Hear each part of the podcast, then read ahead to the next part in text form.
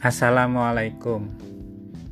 Pada siang ini saya akan mulai membacakan tulisan-tulisan yang pernah saya susun sendiri dan sudah dimuat di beberapa media. Untuk siang ini saya akan mencoba membacakan tulisan saya yang berjudul Penerapan Model Pembelajaran e-Flip Classroom pada aplikasi WhatsApp. Tujuan membacakan tulisan ini adalah untuk mendampingi teman-teman yang suka kalau sedang membaca sambil didampingi oleh suara yang di sebelahnya. Mari kita mulai dengan membaca. Saya hanya membaca saja ini ya, hanya membaca saja. Mungkin beberapa poin akan saya kembangkan, beberapa analisis maksud pikiran dari tulisan ini. Beberapa pekan ini telah berkembang beberapa pembelajaran tertentu dengan menggunakan pola tertentu. Perkembangan ini tentu saja dipengaruhi oleh kondisi yang sedang terjadi, yaitu pandemi COVID-19. Pembelajaran di sekolah merupakan salah satu bentuk kegiatan yang terdampak dengan merebaknya pandemi COVID-19. Akibat dari pandemi COVID-19 adalah sekolah harus berpindah ke rumah, maksudnya sekolahnya berada di rumah.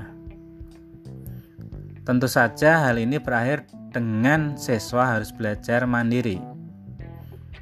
Bagi siswa sekolah dasar dan sekolah menengah pertama, tentu saja proses belajar mandiri tidak akan terjadi tanpa didampingi oleh orang tua masing-masing.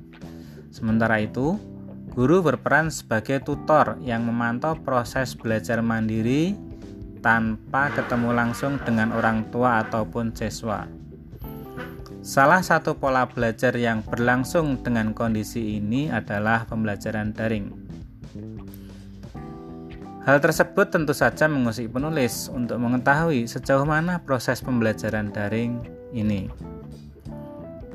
Salah satu cara yang diambil oleh penulis untuk mengetahui hal ini, maka penulis membuat beberapa butir pertanyaan yang dijawab oleh guru dan wali siswa serta siswa selaku pelaku proses pembelajaran.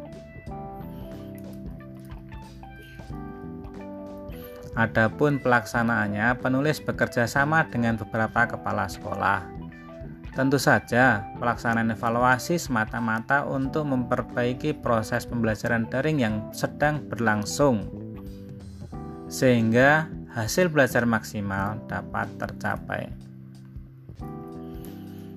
Tujuan tulisan ini disusun untuk membantu guru dalam membelajarkan siswanya melalui WhatsApp.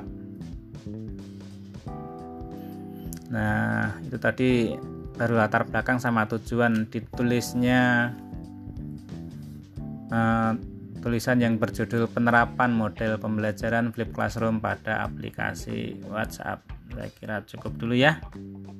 Thank you